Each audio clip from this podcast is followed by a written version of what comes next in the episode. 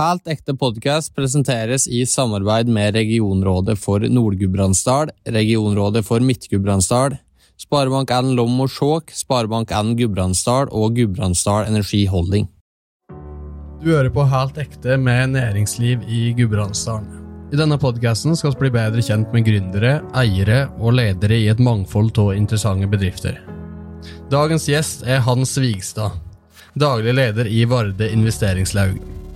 Men han skal prate mer om bakgrunnen for etableringa av Varde investeringslaug. Skal prate om hva er det som kjennetegner de aktørene de ønsker å investere i. Skal prate om konkurransefortrinnene oss som Gudbrandsdøler og Dal har, og sjølsagt òg om alle mulighetene som finnes i eh, vårt dalføre. Velkommen og Helt ekte, Hans. Hvordan går det om dagen? Jo, takk. Det, det går bra. Det gjør det. Dette er jo en næringslivspodkast, men det betyr ikke at lytteren trenger nødvendigvis eh, djup innsikt i eh, næringslivet for å, eh, for å catche substansen. Så starte litt soft. Hva er et investeringsfond? Et investeringsfond eller et investeringsselskap investerer i, i selskap, og for Varde sin del så er det Gudbrandsdalen. Og så investeres i private selskap, så sett et eh, PE-fond.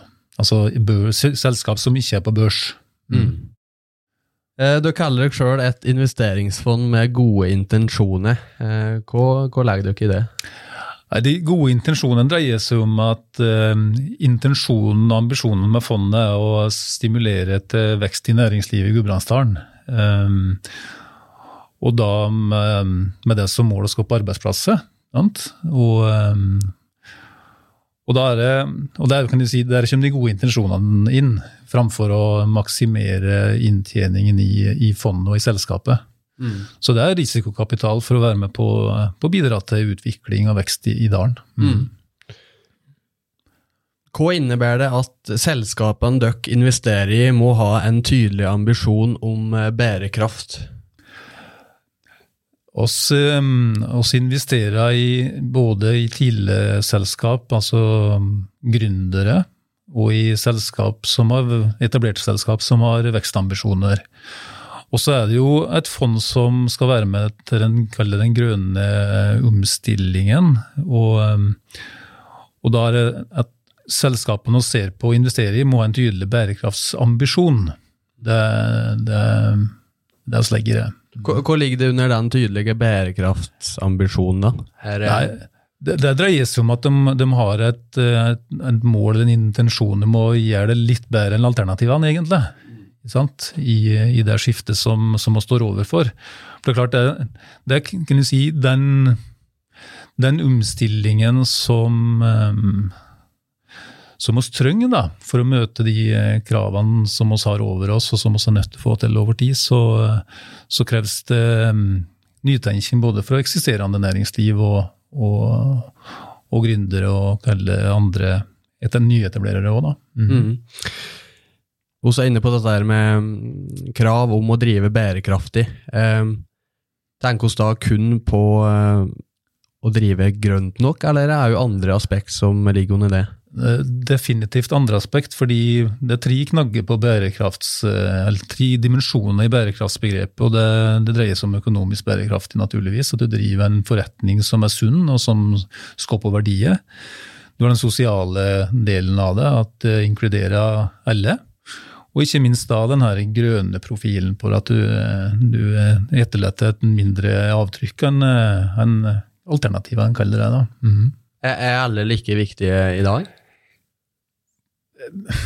Det, det er nok situasjonsbetinga. Jeg vil mene at for næringsutviklingen sin del, og fondets ambisjon da, og selskapets ambisjon om å skape arbeidsplasser, så er det klart at det er helt fundamentalt at du driver en, eh, du driver en, en sunn og bærekraftig forretning rent økonomisk. altså Ting må lønne seg. Sant? Du må ha en økonomi til å drive forretningen, og ikke minst vokse. Mm. Så det er den, den viktigste forutsetningen. Og så kommer de to andre egentlig som viktige kriterier kan du si, da, i forhold til vurderingen vår. da. Mm. Hva, hva legger dere i å drive sosialt bærekraftig? da? Ja, det dreier seg om å slippe alle til, nær sagt. At eh, du gir muligheter til, altså like muligheter for alle. ikke sant? Eh, og det er å legge til rette for at, eh, at eh, Ta et eksempel med de som er funksjonshemming, kan få, få plass det er sant? At uh, du, er, du, likestiller kjønn osv. Altså, mm. ja.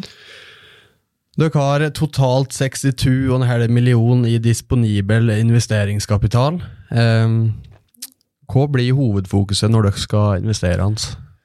Du, det er fondets ambisjoner um, om å skape arbeidsplass og skape vekst i Gudbrandsdalen. For at nedslagsfeltet mitt er Gudbrandsdalen. Um, og så tenker jeg at kapitalen er én ting. Um, for det, det, ene er jo å støtte opp om altså Det dreier seg om å støtte opp om de selskapene vi har i dalen. Og, og, en ting er å sikre dem arbeidskapital og kunne si støtte på denne sida, men det dreier seg om å støtte dem på på det nær sagt å, å drive og utvikle selskapene. Vi prater da om en eh, kompetent kapital eller et aktivt eierskap. Mm. Så, ehm, så det, det, er på en måte fokusen. Så det er ikke bare kapitalen, men det er òg den hjelp og støtte som vi gir etter at vi har gått inn med å drive og utvikle selskapene. Mm. Og da tenker jeg at det er litt forskjell på om du har et selskap som er i tidlig fase, for de har sine utfordringer, kall det like inkubasjonsstøtte i grunnen, som, eh, som, er viktig. Og så har du da det som er etablerte selskap, som dreier seg om en akseleratortilnærming. At eh, det er å være med og hjelpe til i forhold til vekst da, og nå de ambisjonene som ligger der. Så dere er med i begge de fasene? Også med i begge de kalles selskapstypene, kan du si. Altså tidligselskap som er like inkubatorstøtte og hjelp, for da er de tidlig tidlig fase. Også de selskapene som har drevet godt over år. Det kan være generasjonsskifte. sant? At uh, det kommer inn noen som skal drive ta over etter far sin eller mor sin eller noen i familien, og så har de lyst til å gjøre litt uh, gjøre noe mer. sant? Mm. Eller gire litt uh, selskapet. Og da kan vi være med inn både med arbeidskapital for å si, støtte til å si, ansette folk og sikre driften eller sikre veksten. Mm på den finansielt grunnlag. Og så har du da den støtta som oss eh, gir ved å være med inn da, og drive, drive selskapene. Mm. Eh, kan investeringsstrategi har dere i forhold til det med eh, beløp, eierandel, type eierskap, tidshorisont? Og så ti fram en strategi der og si at la oss starte med med, La oss starte med hvilke typer selskaper som går inn i først. Ja. Fordi um, i og med at um, oss har Gudbrandsdalen som nedslagsfelt, så, mm. så sier vi at uh, oss har ingen begrensninger i hvilke selskaper vi investerer i. Sant? I type eller hvilken type um, næring eller bransje. Altså Det kan være alt fra digitalisering til strikkeoppskrifter til, til å bygge metanolfabrikk og produksjonsmiljø på, på øyer. Altså, du har et stort spekter. Så det tror jeg er viktig å få fram eh, her. at vi oss kan, være med å investere i selskap uavhengig av bransje. Det, det er viktig å få fram. Investeringstype eller beløp. Vi prater om at uh, oss, oss vil inn med opptil fem millioner i investeringene våre inn i hvert selskap. Og så makser det på fem, og det dreier seg om å bruke den tilgjengelige kapitalen som du nevnte, på, på flere. Så tror jeg òg at eh, fem, altså tre, fire, fem millioner kan gjøre en utrolig stor forskjell eh, på de selskapene vi prater om. Eh, og si at, eh, og si at eh, oss ikke vil ha en eierandel noe særlig større enn 35 eh, Det dreier seg om to ting, egentlig. Det dreier seg om å ansvarliggjøre de som i utgangspunktet eier selskapet. Så de sitter igjen med hovedandelen sjøl, og ikke minst det å kunne investere eller dra med seg co-investorer, medinvestorer inn, mm. som kan være med og bidra, de òg, da. Så det går på eierandelen. Eh, tidshorisonten sier seg fem til sju år. Så da har exiten på kan du si, det som er forutsigbarheten på investeringen vår. Og det dreier seg òg for å kunne si, ikke utarme fondet. altså Nødt å få inn at eh, kapital i fondet gjennom at eierskapet og så selger du også kan investere i nye eh, prosjekt. Mm. Og så har du avkastningskravet som også har sett at et minimum på, på 10% som er relativt snilt eh, kan en si, i en RPE-verden, men det er òg tufta på den intensjonen som fondet har, og det, det eierskapet som fondet har òg, ikke minst. da, Med det samfunnsansvaret de eierne har. Mm. Det kommer oss litt uh, attennåt uh, straks. Vi stek litt om bakgrunnen for etableringa av Varde investeringslaug. Hva, hva var det dette her eh, starta med, egentlig?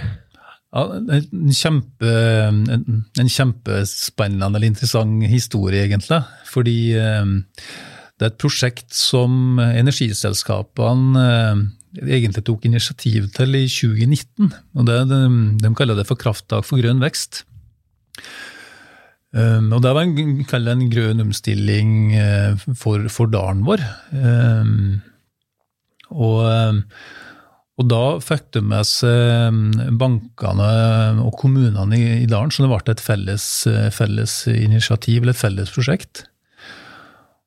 Og gjennom den prosessen, den har vært ledet av Maren Christensen, forresten, kjempeflink dame, ehm, så ser de jo det at eh, si det å den der nytenkingen og det som på en måte kreves av næringslivet for å møte den omstillingen, så så de relativt kjapt at eh, det var behov for risikokapital til å være med og hjelpe til. Mm. Og det er litt historien. Så da i eh, ja, det måtte bli 20 21 typ, så, så kan jeg si, starta mer med si, den konkrete prosessen da, rundt eh, Vardø investeringslaug da, som et konkret produkt, eller til, ja, et resultat av krafttakprosjektet, egentlig. Mm. Og så ble det stansa ut og etablert et selskap da, i, i fjor vår, da, i, i, i, i våren 22, som, som da ble investeringslaug. Mm. Hvorfor er Hvorfor er dette der med risikokapital eh, Hvorfor er det så viktig for, eh, for gründerskap og vekst? Risikokapitalen um, så Jeg tror alle som har vært med og starta selskap, kan nikke bekreftende på at det, det jeg nå sier, er på en måte sant. Fordi ja. det Når du starta sjøl, og du starta som gründer, så er det klart at det tar litt tid før du får opp eh, du si, omsetningen din og får, en, eh, får økonomi i, i, selskapet ditt som, eh, som, gjør at du kan ha det noenlunde greit.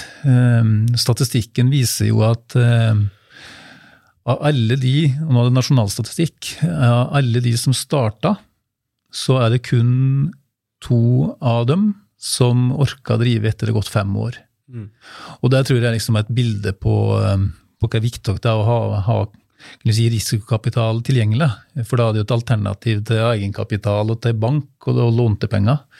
Og da få med seg noen inn til å hjelpe seg da, med kapitalen, men òg det som vi prater mer med kompetent kapital, at vi skal hjelpe til da, i eierskapet vårt mm. med et positivt fortegn. Det tror jeg er liksom, avgjørende. da. Når eh, Skoppå og Hanne Maren eh, utarbeida dette her eh, Det som skulle bli Varde investeringslaug. Hvor, hvor henta de inspirasjon da? Du, det, det, er flere selskap som er kan si, som vi kan sammenligne oss med. Eh, og så har de eh, rundt i Mjøsdistriktet ellers. Sant? Så har det både på Kom-inn-fondet, som er på Gjøvik-sida, og så har du First Seed, som er på Hamar-sida for Hedmarken. Men der, der også henta mest inspirasjon, det er et selskap som heter for Fjordinvest på, på Vestlandet. Utrolig spennende reise, slik de eh, kunne si, rigga det selskapet for 20 år siden, Røffele. Med samme intensjonene i mye og mangt som det Varde har. De starta med 20 millioner. Og nå, hvis de ikke husker helt feil, så, så mener jeg at nå sitter de med utrolig mange selskap de både har vært inne i og ikke minst har fortsatt har eierskap i. Og så har de da en kapitalbase som investerer med på, på en, en, par hundre millioner. Så det er klart at hadde vi fått til noe slik sant, med Vardø, så da, da hadde vi nådd eh, målet Sant? For da er det med å stimulere og fete noe bra greier da, for, for dalen. Mm. Men var nedslagsfeltet åt Fjordinvest relativt likt uh, Gudbrandsdalen i forhold til antall bedrifter og gründere og elgass? Ja, nedslagsfeltet det var lokalt det òg, med utgangspunkt i Førde. Ja. Uh, så klart, eh, antall innbyggere og slik, eh, det, det, har jeg ikke sett på, det er ikke sammenligna, men eh, intensjonen og ambisjonen er like. Mm. Og det skulle ikke være noe i veien for at vi skulle få til noe tilsvarende her, mener jeg da. Mm. Nei, nei, nei. Utover å få til arbeidsplasser og vekst i Gudbrandsdalen, hva var hva mer de konkrete ambisjonene eierne setter seg ved, ved oppstart? Jeg vet, når jeg kom inn i dialogen for et års tid siden, Røfle, så, ehm, så, var det jo i mye og mangt det det dreia seg om. Eh, men det er klart at jeg tenker at det å, når du prater om arbeidsplass, så skaper arbeidsplasser, eh, så, så skaper du vekst. Og når du skaper vekst, så, eh, så, så skjer det noe med entusiasmen, det skjer noe med attraktiviteten. Og det er klart at da Sørger du for da, at eh, folk har plasser å bo, eller plasser å jobbe, spennende arbeidsplasser, plasser å jobbe, så de blir, så ungdommen kan bli, og med tilflytting av ny arbeidskraft og altså den slags type diskusjoner som var der. For jeg tror det starta med det er også skape spennende arbeidsplasser å, å jobbe med. sant? Vi kan jo bruke meg sjøl som eksempel. sant? Når du var ferdig på, eh, på, videregående og skulle ut og arbeide, så var jo det var ikke så mye alternativ. Det ene eller det måtte flytte til Oslo, typ? Så, eh, så, det er en, eh, en tydelig ambisjon der, å få opp attraktiviteten da, og, og spennende arbeidsplasser. Sant? Mm. Ja. Mm. Eh, hva skal dere få til å nå de målene dere har sett dere? Du, jo, du, prater jo litt om dette der med både eh, risikokapital og kompetent, eh, kompetent kapital som vesentlige innsatsfaktorer i, i deres rolle i dalen. Men litt slik konkret, hva ser dere skal, som jobber for å få, få til dette her, Hans? Nei, jeg tror vi har flere, jeg tror har på en måte flere, altså Selskapet har på en måte flere liksom, roller i Gudbrandsdalen. La, la, oss prate om den, den politiske komponenten eh, først. og Det er altså framprate dalen som, som det, med de mulighetene vi har. Det, det syns jeg personlig at det er litt få som gjør. Eh, fordi at det er utrolig med muligheter vi har. Vi ser på oss sjøl i mye mangt ofte. Sant? Nå er jeg flytt eller vi har jo bodd borte i en del år og bodd eh, i utlandet og den slags. Men det er klart at når jeg ser på Gudbrandsdalen, hvilke ressurser vi har, hvilke folk vi har, og hvor sentralt det er i mye og mangt i forhold til øst-vest-aksen eh, og, og tog. og så har to timer, hvis du ser fra Lillehammer typ inn til Oslo. Så det er klart det er sentralt. Slik ser ikke den jevne gudbrandsdøl på, på det, opplever jeg. At de, eh, altså de, de ser begrensninger framfor eh, mulighetene. Så det å ha en politisk stemme, det å framprate mulighetene og de konkurransefortrinnene som vi har, det tror jeg er viktig. Det andre er jo kombinasjonen av kapital og, eh, og kompetanse. Og at kompetanse da er mer like strukturkapital. Sant? For jeg tror det å drive selskap, som jeg har gjort da i en del år, det er en del teknikk og en del eh, greier der som er, er direkte overførbart eh, til eh, ikke bare dalen, men på tvers av bransjer og små og store selskap. Så det, det, tror jeg er viktig å, å ha med seg. Og så tror jeg da at, skal, at det her med at en skal ha tål, tålmodighet.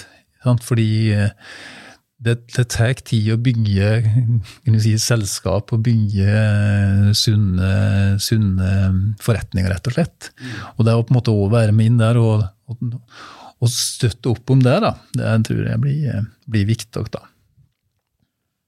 Jeg legger at dere òg eh, bistår med nettverk og, og, det å linke opp eh, bedrifter med f.eks. bedrifter som ligger under First Seed og det, det tenker jeg at det er helt naturlig at vi gjør. Ja. Eh, og slik er det egentlig å drive forretning eh, i generelle termer. At du bruker nettverket ditt, du bruker de eh, ressursene du har. Og der må jeg si at det, overraska meg positivt når jeg da fikk lov å reise rundt i dalen, og det har jeg brukt mye tid på, i, i hvert fall de første tida i, i, i jobben her. da. Hva, altså, altså det her å vilje en annen godt, sant? det er å eh, se på altså, måten å samarbeide på, så du, du blir større og sterkere. Du kan ta på deg andre typer oppdrag. Du, liksom, du bruker en annen i, i best mulig måte. Da. Det, det er positivt. Og der tror jeg det der nettverket og det sampratingen hjelper til. Det, det, det er en viktig komponent i det. Mm. Uh, uten gode investeringsobjekt så uh, er det vanskelig for dere å lykkes. Det er på en måte et gjensidig uh, forhold, uh, legger. Eller gjensidig avhengighetsforhold, mm. kan du si. Mm. Hva er det dere ser etter i investeringsobjektet hans? Kan du si, skal du kunne drive et investeringsselskap og få det til å bli- en god forretning? Fordi det, det må jeg òg gjøre, så ikke utarme fondet dette her blir en eh, dårlig greie. Men eh, eh, så må jeg ha prosjekt å jobbe med. Mm. Eh, Det var jeg spent på når jeg, når jeg begynte. Hvor mye er det egentlig ute der? Eh, Men der òg er jeg blitt positivt overraska over hvor mange og hvor mye spennende det er å få lov å, å jobbe med. da. Så hvis, hvis en skulle ha en ambisjon om å investere i en to, tre, fire selskap i løpet av et år, som er bra da, i forhold til statistisk, eh, statistikk og, og nasjonale statistikker, typ, så, må man ha, eh, er tilfang på, på, eh, på, eh, på prosjekt.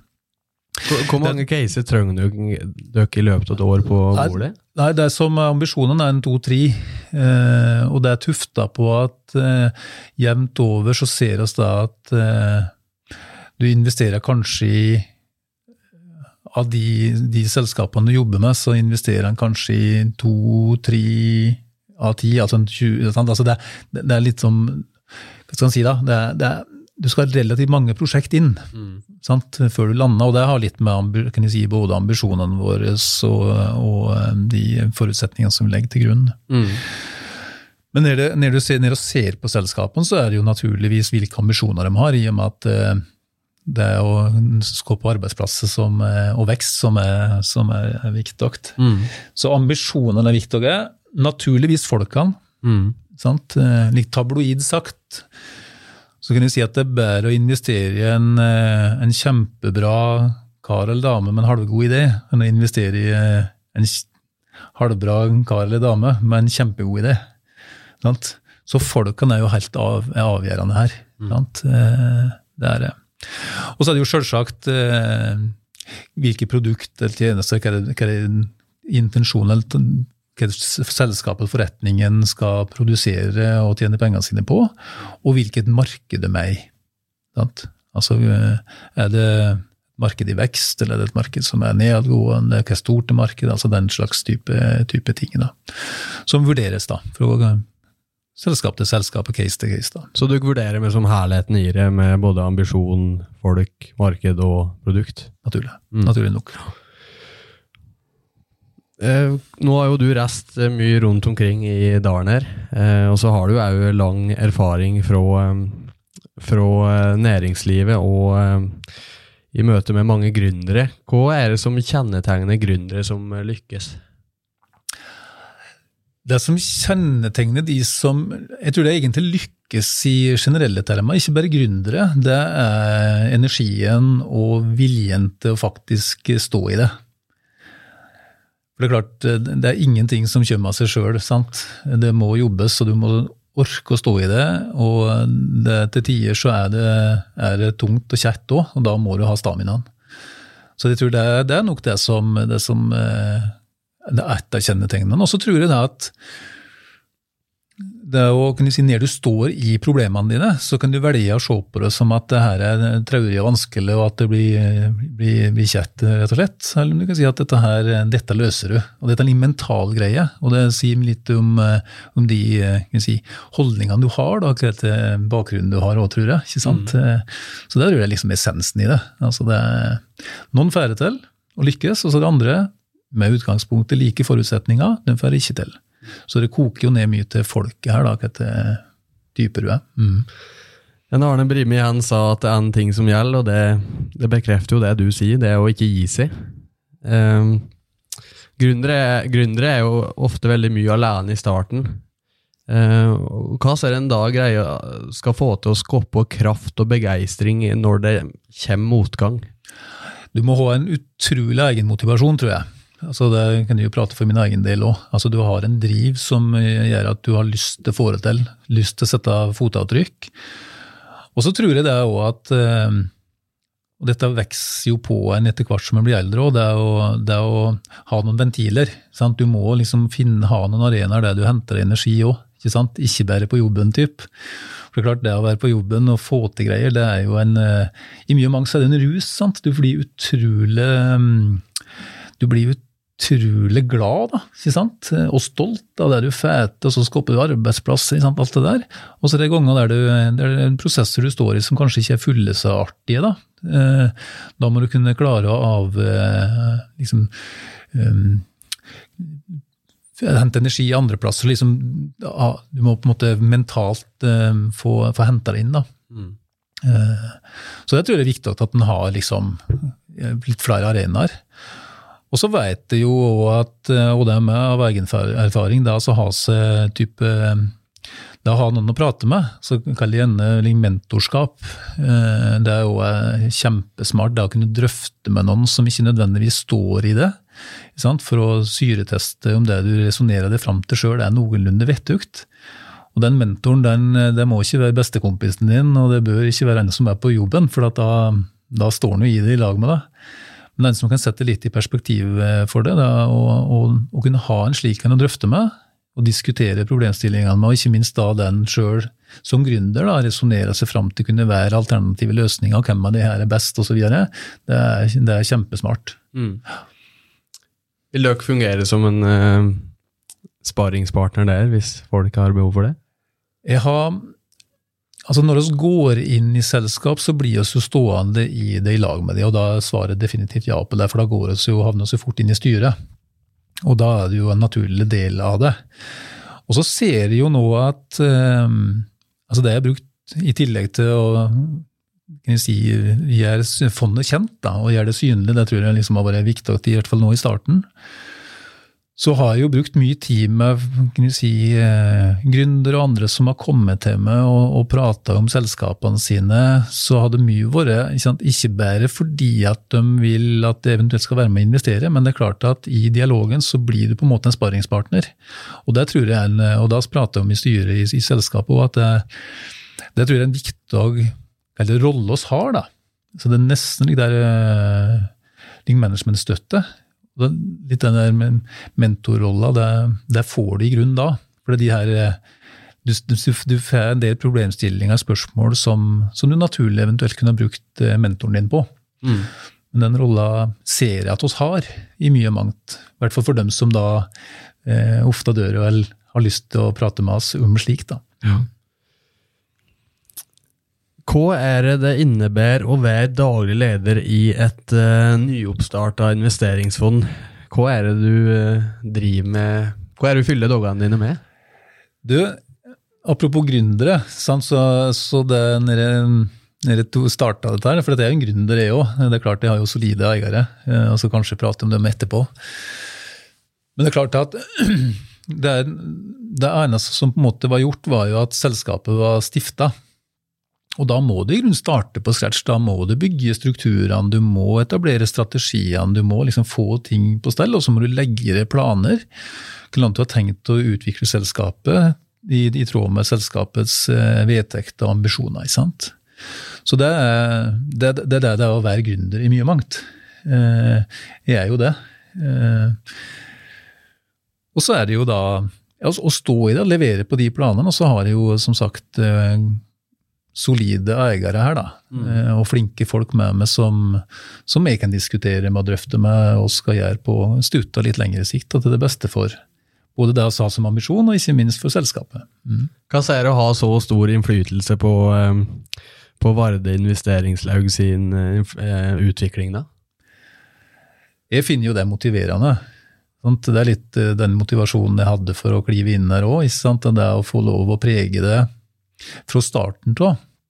Det for klart, når du, når du, kommer inn og det er helt nytt, så blir det jo i mye mangt et produkt av de eh, holdningene og, og de verdiene du har sjøl.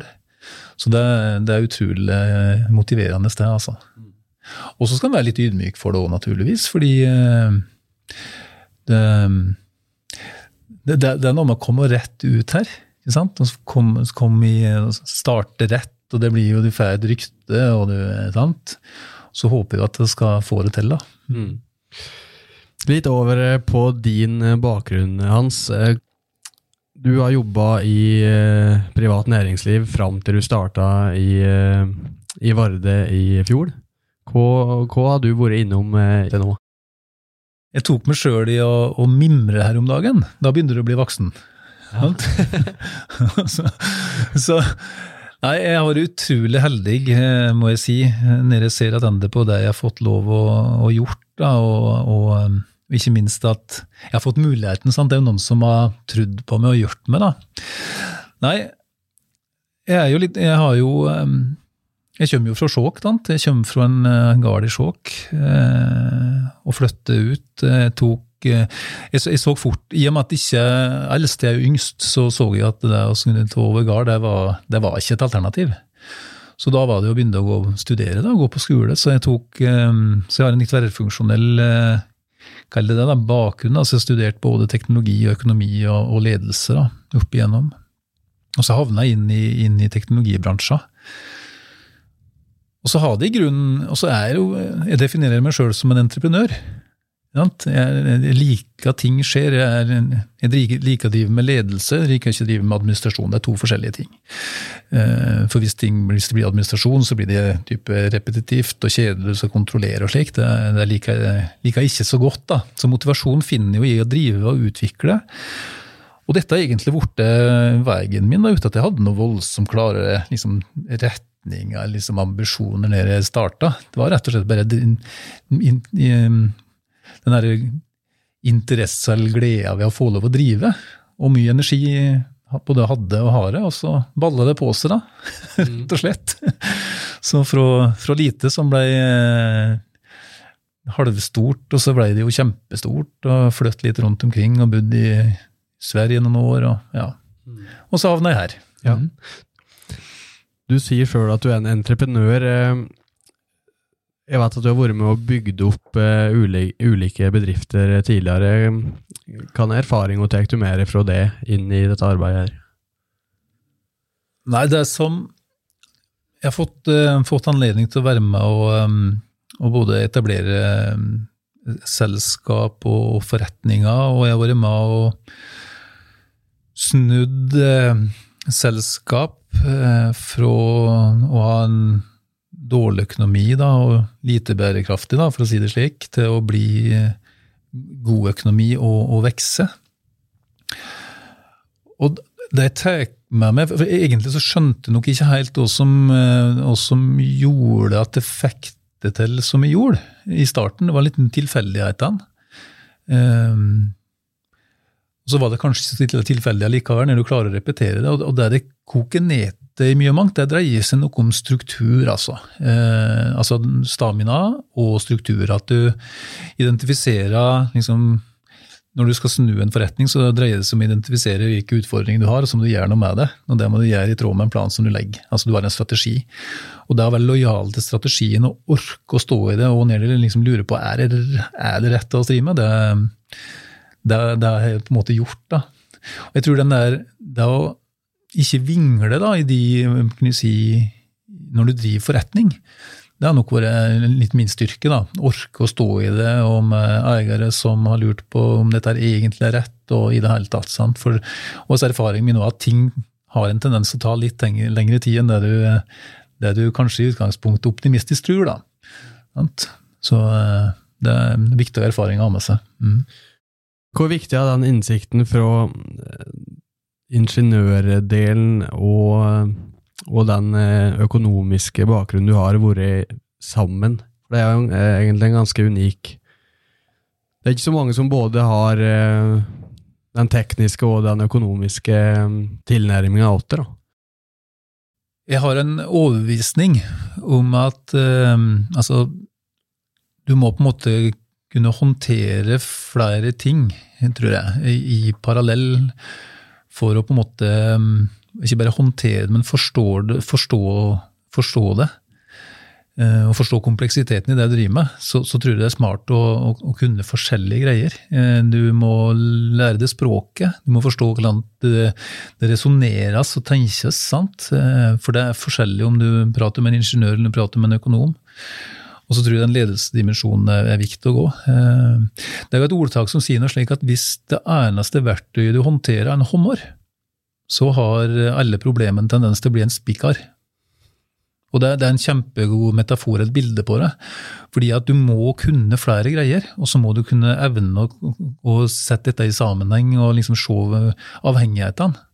Da blir det bra. Og så tror jeg den ledelsesdimensjonen da, den, den er også helt avgjørende, i hvert fall når du dreier på deg en del folk. da. Og økonomien begynner å bli stor, fordi da dreier det seg om å få, få folk til å levere på de planer og strategiene du legger.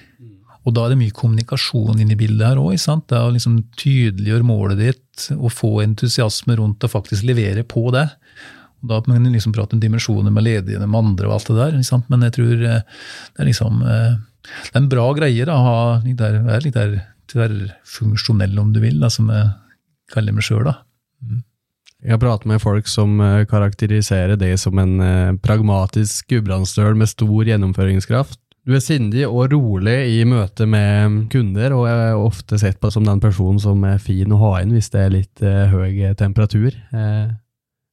Kan, uh, kjenner du igjen det? Det med høy temperatur kjenner jeg. det andre er ikke riktig? Jo, jo, jo, jeg gjør det. Men jeg tror altså det, det, det, tror jeg er noe som på en måte kjennetegner oss som gudbrandsdøle. da. Eh, og så er jeg utrolig stolt av å være gudbrandsdøle. Jeg har brukt det for det det er verdt òg, eh, opp igjennom. Fordi den der ærlige, redelige, pålitelige, hardtarbeidende karen, eh, som egentlig er i mye mange god, definisjon på god arbeidsmoral, den har jeg lyst til å være. Og så har jeg lyst til å, å bli oppfatta som at, eh, at jeg behandler folk likt, og at jeg er liksom eh, altså en, en grei kar, da. Og så tror jeg det at det er å altså Når du har den ballasten og du er trygg i deg sjøl og trygg i det lederskapet du gjør, så, så håndterer du òg situasjoner som, er, som, kan oppfattes som kompliserte. Både kompliserte i, i, i litt der faglig komplisert, men også komplisert i, i relasjonene. Sant? Med høy temperatur, du kanskje ikke levert som du skulle. og? At det er jo Iblant så kan det jo være bustete, og det å komme inn da som litt raus gudbrandsdøl og temperaturen går litt ned. Sant? Og så er jo eh, litt Og så kan det oppfattes som trege. Sant? Det blir jo ofte det. Men jeg tror, jeg tror det er mer det sindige og det rolige, at du, at du faktisk eh, tar deg tid. da. Og så, eh, og så er du, når du er redelig, så, så har ting en, det liksom tendens til å løse seg. da. Mm. Viktigheten av de grunnleggende verdiene du er inne på her, er det noe du har, er det noe du har reflektert mye over i, eh, i de posisjonene du har hatt, og på en måte sett verdien av? Jeg har vært, rimelig bevisst på, og dette så jeg nokså tidlig i eh, i, når jeg begynte å arbeide. Da, altså, den, altså du er jo på en måte et produkt. da, sant? Du, eh, du får betalt for å gjøre en jobb, og så skal du gjøre den eh, så godt som du bare klarer eh, hele tida. Så, så, opplevde jeg vel relativt fort at den her, den her trauste for så vidt som, og enkle som oss er, da, og er en, er en konkurransefordel for, for, oss. At du er liksom pålitelig. Så jeg brukte bevisst, eh, naturlig nok, på, eh, på liksom forsterke det, da, uten at, uten at den skal bli seig og treg. Da. Så, så det har vært viktig for meg, ja. Du har nå jobba i over et helt år eh, i Varde, der du eh, rigger en organisasjon fra eh, bunnen av. Hva er å bli det viktigste for deg å forstå i de roller som investor og forvalter i Varde investeringslaug?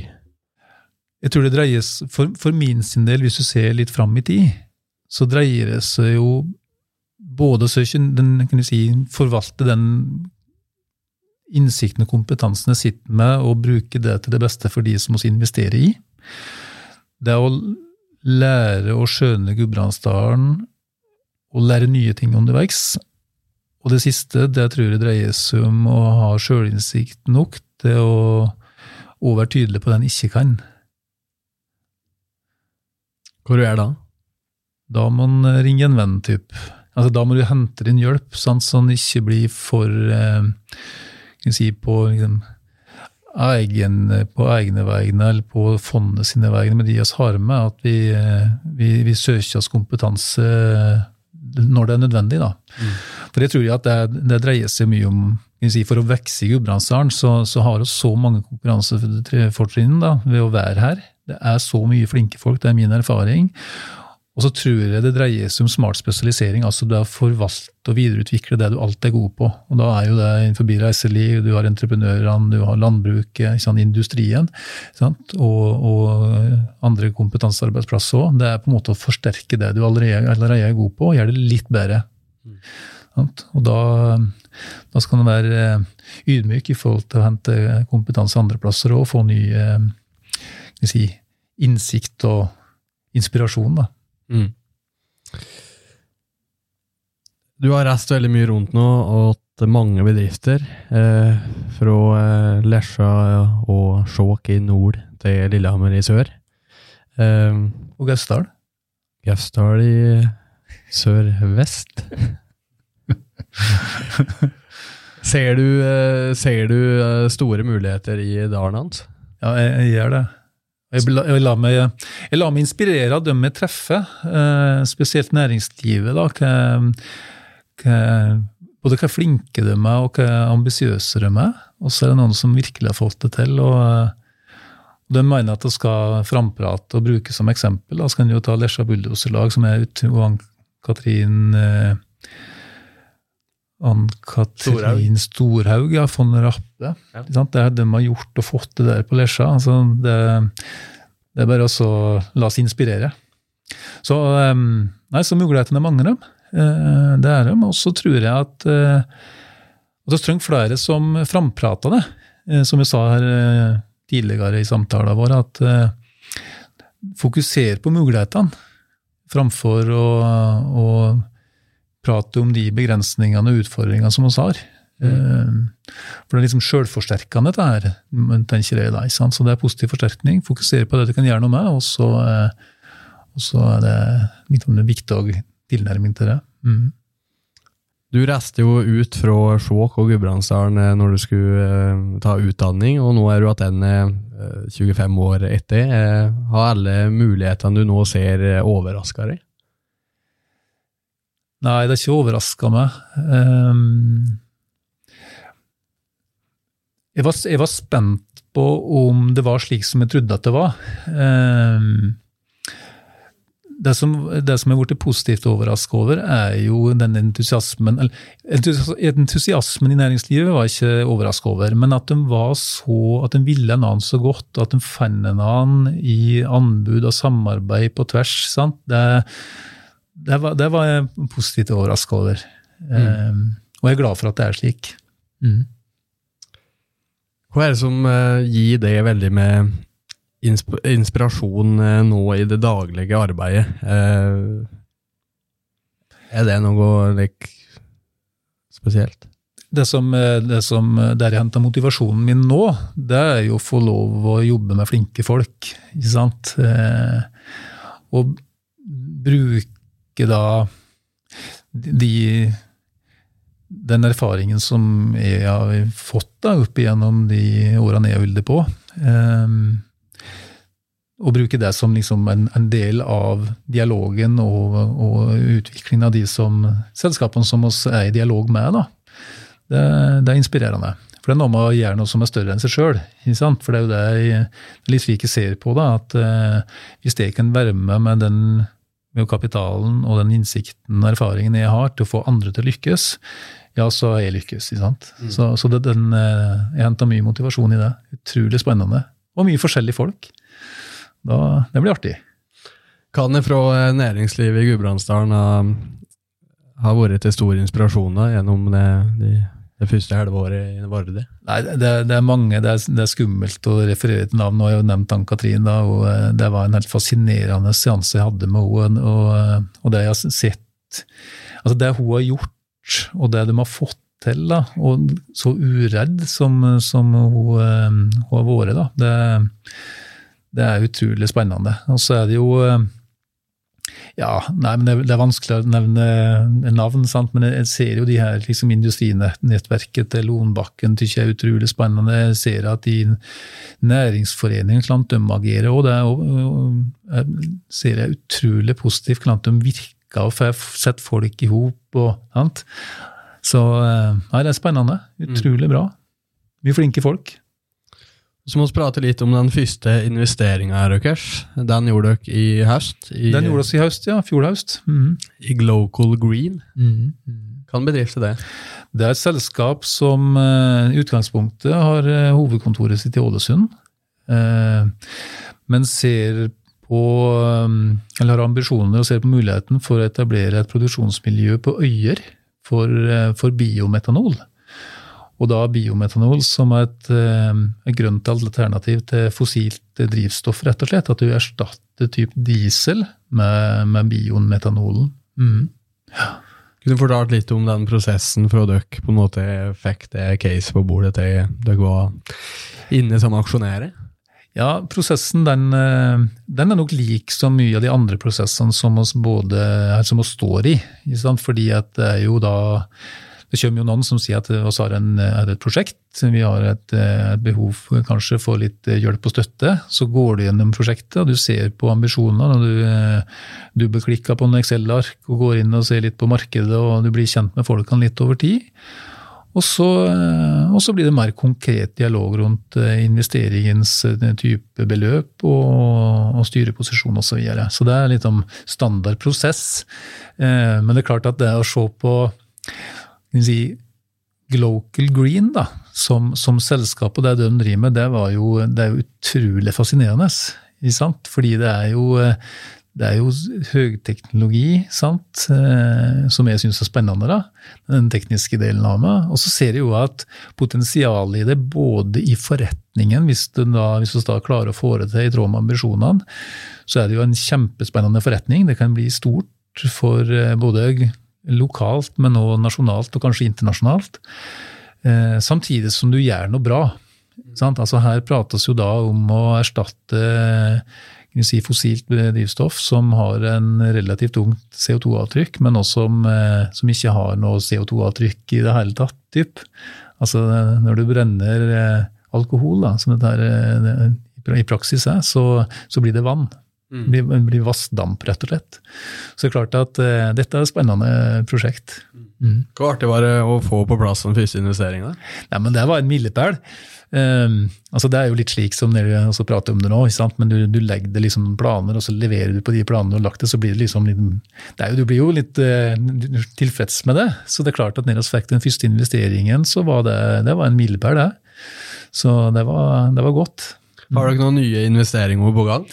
Det har oss. Eh, oss har flere. Og så eh, kan vi ikke offentliggjøre dem før papirene er signert og ting er levert, men eh, er to-tre to, til nå på, på, på bordet som eh, vi skal prøve å få landa i løpet av stutt tid.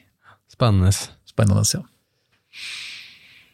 Er det andre ting du har sett um, på en måte mangle i for næringslivet i Gudbrandsdalen gjennom de eh, første seks månedene i Varde hans?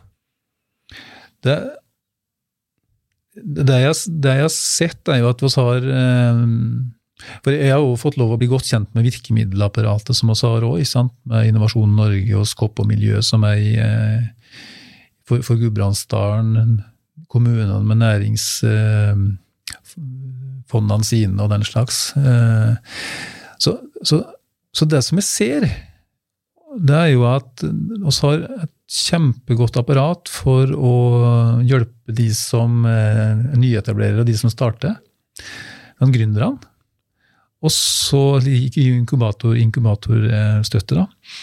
Og så ser jeg da at denne, når de da har fått hjelp til å starte, og så har han liksom kommet i gang, og så blir det liksom et vakuum. Jeg ser at det mangler noe der. Sant? Det har liksom støtte opp om de her eh, tre, fire, fem første kritiske årene. Sant? Jeg refererte jo til statistikken at eh, åtte av ti eh, legger på røret før det har gått fem år sant? av nyetablerere. Det, der, der mangla det noen greier. Sant? Og det er ikke bare kapital. Jeg tror det dreier seg om litt managementstøtte og mentorskap og slik som så var innom, der, det, en, det, tror jeg er viktig å greie å se litt på framover. Mm. For å sikre at flere faktisk eh, orker å stå i det. Og, og, og få til sunne forretninger her. Mm. Samtidig skal jeg nevne det at det, når jeg prater om den 80-20-type statistikken Jeg tror det var for 22 så var det vel, eller 21 så var det 82-83% som på en måte slutta, da gründerne slutta før det har gått fem år. Det som, det som, jeg ser, men jeg har ikke statistisk tallgrunnlag på det, det er jo at eh, statistisk så er det flere av de som starta i Gudbrandsdalen, som klarer seg. Og grunnen til det sier der, og tørre jeg påstå det, det er at jeg har gjort en, en jobb i lag med, med, med Sparebank1, eh, der jeg så litt på statistikk statistikken vi så på gjeldsgraden og slik blant, eh, blant tidligselskap, og det også avvik litt fra den nasjonale statistikken. Så de som gründa i Gudbrandsdalen, de er vel så tøffe, da, og har vel så bra stamina som, eh, som det resten av, Norge har. da. Eh, det er viktig å ha med seg. Det er å framprate de som faktisk tør å starte, og som orker det. da. Mm. Betyr det at vi er veldig opptatt og er helt sikre på at det skal gå når vi starter? Ja, det er, jo, det er jo den andre sida av statistikken. Det er jo at det er lavere innovasjonsgrad, og det er færre som starter i Gudbrandsdalen enn det de gjør andre plasser. Så det er kanskje det at det er liksom trauste kanskje Gudbrandsdølen at, at eh, du, er, du, skal, ja, du, skal, være helt sikker før du starter. Så det kan du jo håpe at det er flere som tør å hive seg frampå. Mm.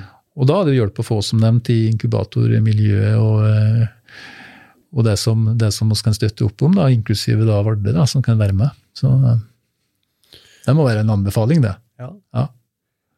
Hva ser du vurdere den finansielle tyngda dere har? Er den stor nok for å ta eller ikke rolle dere ønsker å ta i Gudbrandsdalen?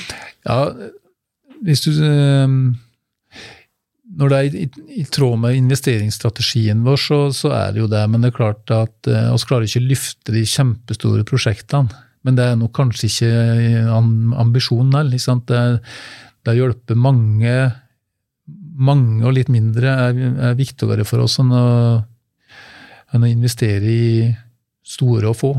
Mm. Mm. Jeg lurer litt på dette der med bærekraft opp mot eh, risiko. Eh, hva skal dere balansere avkastning, eller krav til avkastning, eh, opp imot eh, bærekraft? Det er ikke noen motsetning i det. Jeg tror at bærekraftsdimensjonen er en evaluering av, eh, og vurdering av prosjektet før du gjør investeringen. Når du har gjort investeringen, så er det jo å levere på de planer som er lagt, og utvikle de. tenker jeg. Og så er det noe med risikokapital, så må jo leve av risikokapitalen. For hvis du, hvis du bare skal investere i de som er trygge, så er det jo ikke noe risikokapital. Så det er jo eierne eh, tydelige på, at det skal være en risikokapital. Sant? Og avkastningskravet det står jo der fordi at vi ikke skal utarme fondet. Eh, og så er vi ikke et næringsfond som en kommune har der vi gir bort pengene våre. Det er jo en investeringsselskap der vi gjør investeringer, og så, og så selger vi oss ut på et tidspunkt, enten til eksisterende eiere eller til, til noen andre, mm. som, som, bringer da økonomi innad i fondet, som vi kan reinvestere i nye prosjekt. Mm. Så det er jo slik å drive forretningen. da. Mm. Og så er jeg inne på det der med at det ikke er noe eh, motsetning mellom avkastning og bærekraft, men, men er dere kun et fond for eh, grønne startups, eh, Hans? Nei, som, det, det, er viktig at de vi investerer i, har en tydelig bærekraftsagenda. Og da hadde vi de tre knaggene i de tre bærekraftsdimensjonene. Og hvis du tar den ene av de tre, som er det grønne, så, så, er det viktig for oss at det er, bedre, det er litt bedre enn alternativet. Altså, Det trenger ikke være helgrønt. Nå var vi jo innom Global Green, er jo, den er jo kjempegrønn, og det er jo bra.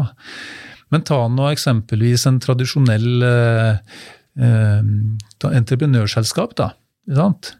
Så lenge de har en tydelig agenda på en tydelig bærekraftsagenda, de har tiltak for å bli hakket bedre enn det de i utgangspunktet var, og det som er alternativene. Ta en elektrifisering av bilpark og den slags de enkle grep, egentlig. For, redusere kraftforbruket sitt i produksjonshallen med å da bruke skifte ljospærer til ledd, og de investerer i i, eh, i solcellepanel og batteribanker eksempelvis. Altså, slike ting er jo nok. Det kan være en tradisjonell forretning, men du må ha en, eh, en uttalt bærekraftsagenda og en, en, plan for å kunne realisere på den.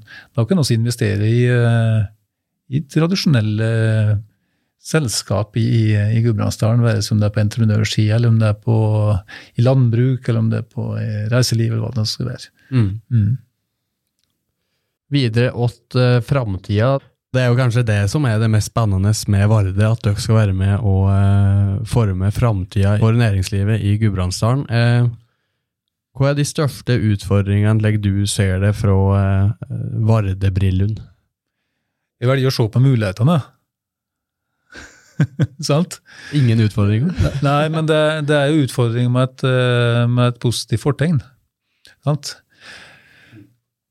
Så det er liksom suksesskriterier kontra en, eh, en, en, suksessfaktor kontra en risikofaktor. ikke sant? Altså det, er, det er mye mangt det samme med forskjellige fortegn. Nei, jeg tror at, jeg tror at uh, mulighetene som oss har, da altså For at jeg skal kunne si altså Det er lett å måle suksessen med Vardø. For det kan du måle i uh, skapte arbeidsplasser. ikke sant?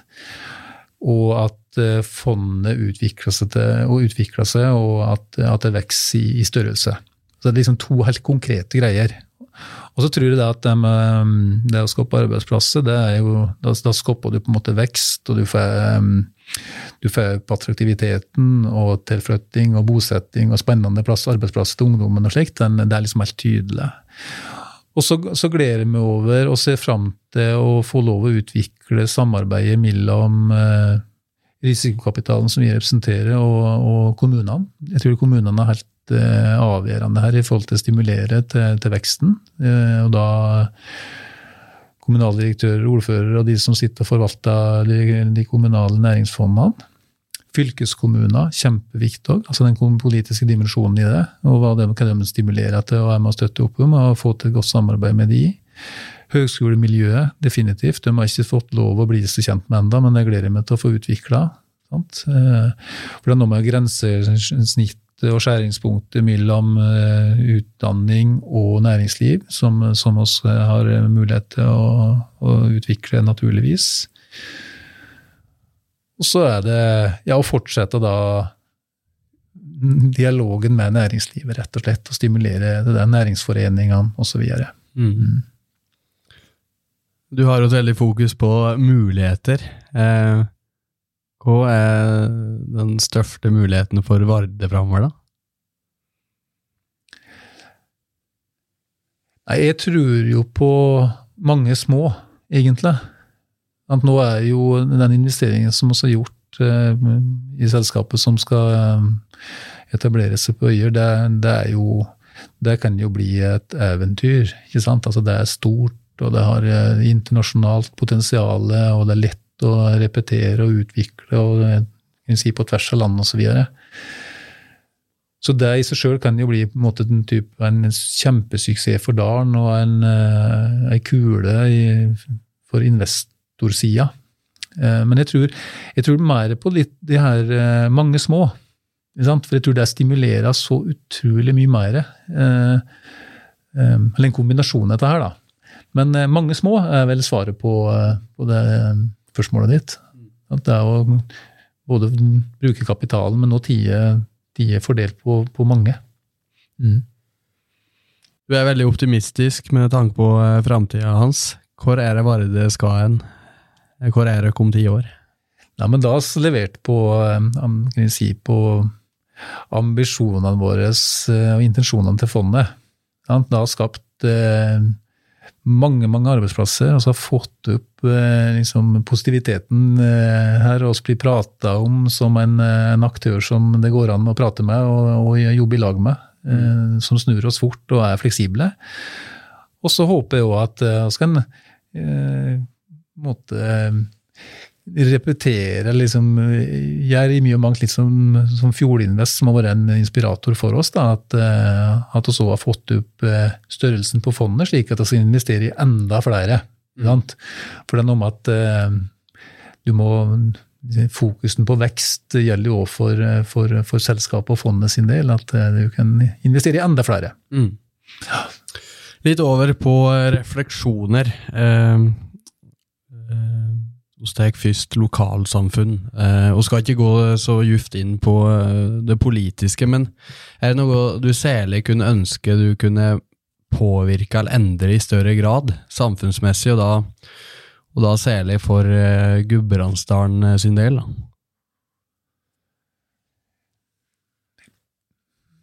Um, nei, jeg skulle ønske at flere hadde framprata mulighetene våre framfor å fokusere på um, utfordringene våre. Og så skal en ikke være naiv i det, sant? for en må erkjenne Si, for å kunne gjøre noe med problemet, så må du på en måte ha gjort, eh, gjort noen betraktninger rundt det, og som eh, kan være løsningen på det. Men når det er gjort, så er det å fokusere på, på mulighetene framfor at det kan være litt tungt og traurikt eh, i enkelte deler av regionen vår i forhold til fraflytting og slik. Det tror jeg kanskje er det eneste. Mm. Det finner ikke næringslivet. Da er vi kanskje mer over liksom midt i den der på folkemunnen og litt over i den politiske sfæren, at, eh, at jeg kan oppleve at eh, det repeteres litt for ofte at, eh, at vi har utfordringer. Mm. Og da mener jeg at, og det har oss, altså Vi skal ikke være naive i forhold til det, men jeg tror svaret på det er jo å framprate det positive og få, få til utvikling og vekst. Mm. Ja, og da er det der du skal bruke energien på. Ja. Hva mener du er Gudbrandsdalens og gudbrandsdølenes største konkurransefortrinn? Du har jo vært litt inne på det med i forhold til det med å være ekte og den gode sida til å være traus, men eh, hva er muligheter har hos eh, Hans?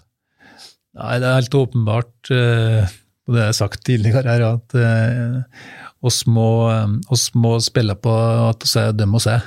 Og de og det vi representerer, og da er det verdiene våre. Så, det, er det, det, er det absolutt det er kanskje det viktigste. Og så må vi fokusere på det vi kan, og, og, videreutvikle det. Og da liksom smart spesialiseringstilnærming. Sant? At eh, og så har liksom landets fremste gulvstøper, eksempelvis, er ingen som er i landet, så det er verdens beste. Ja, altså det er også på en måte Være stolte nok og tørre å si det, og bruke det for det det er verdt, og tørre å ta betalt, ikke minst.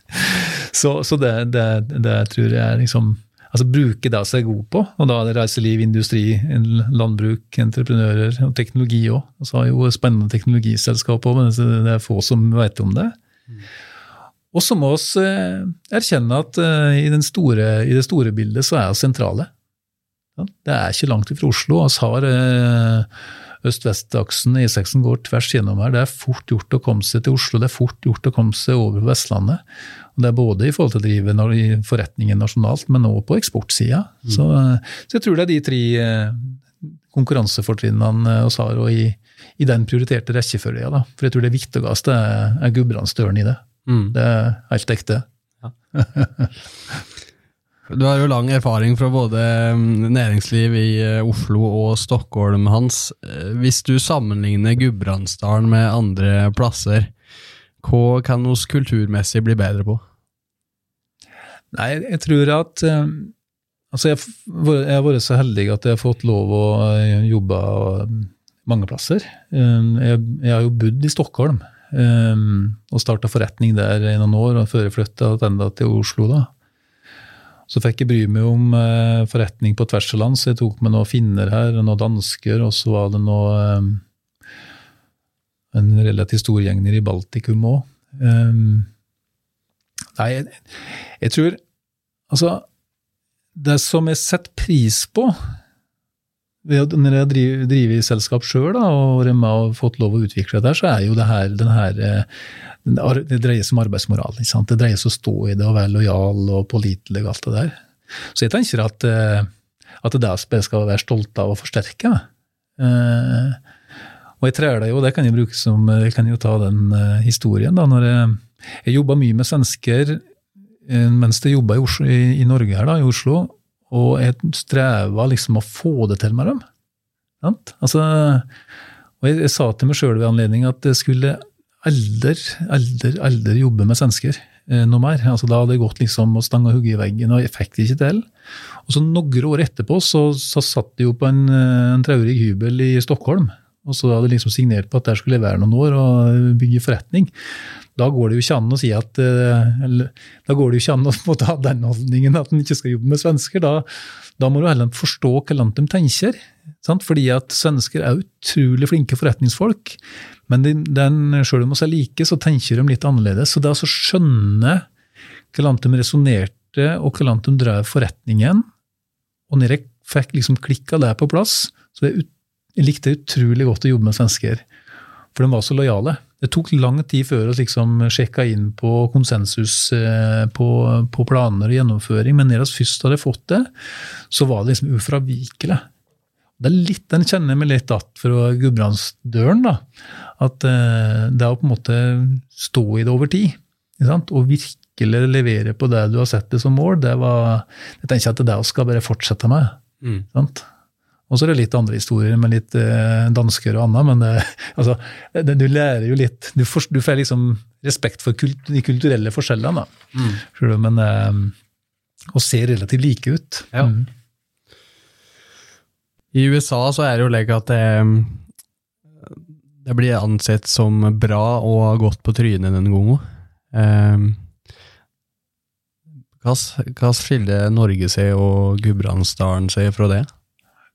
Altså, jeg, jeg, liker jo den tilnærmingen, sant? for det er klart at eh, det å ha feila, det er jo altså det er enormt med læring i det. Og dette er liksom Definisjonen på, på, læring er jo endring av atferd. Det er klart at hvis du har vært med på noen greier, og, og ikke minst har lært av de feilene du, du, har gjort, ja, så gjør du ikke de feilene på nytt. Det må, du for, det man forutsette. da. Så der, jeg, der syns jeg vel kanskje at, uh, at oss, uh, oss, liker nok, og det er ikke bare Gudbrandsdalen, men uh, oss, har, har, det i hvert fall her, at det er, lett å kose med liksom, misnøye og de som ikke får det til. Det, det, er også nok flinkere til det enn å, enn å framprate de som da har fått det til, og kanskje de som har feila, men fått det til seinere.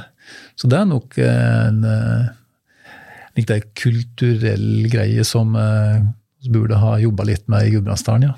Hva ser en skal bli bedre på dette her, da? Nei, jeg tror, eh, jeg tror at det er å utfordre på det, prate om det. ikke sant? Og anerkjenne, anerkjenne, de som faktisk har prøvd og som har feila, og på en måte og hjelpe dem fram igjen òg, eh, så de ikke flytter av skam. sant? Altså Det er litt slik det kanskje historisk sett har vært, at det er så, liksom, så traurikt hvis du har gjort noe som er feil. At du ikke orker å leve med det i, eh, i de relativt små samfunnene som oss har. De skal vi jo bare ta vare på og utvikle, tenker jeg, fordi de har med seg en erfaring som, som gjør at de ikke, ikke, gjør det på nytt. Og der, La meg få bruke som eksempel. Han bruker det jo. Altså, det er utrolig bra. Slik han forteller historien sin, hva som skjedde da liksom en, en gafte litt høyt og en tro litt feil i sin tid, og hva han har lært av det.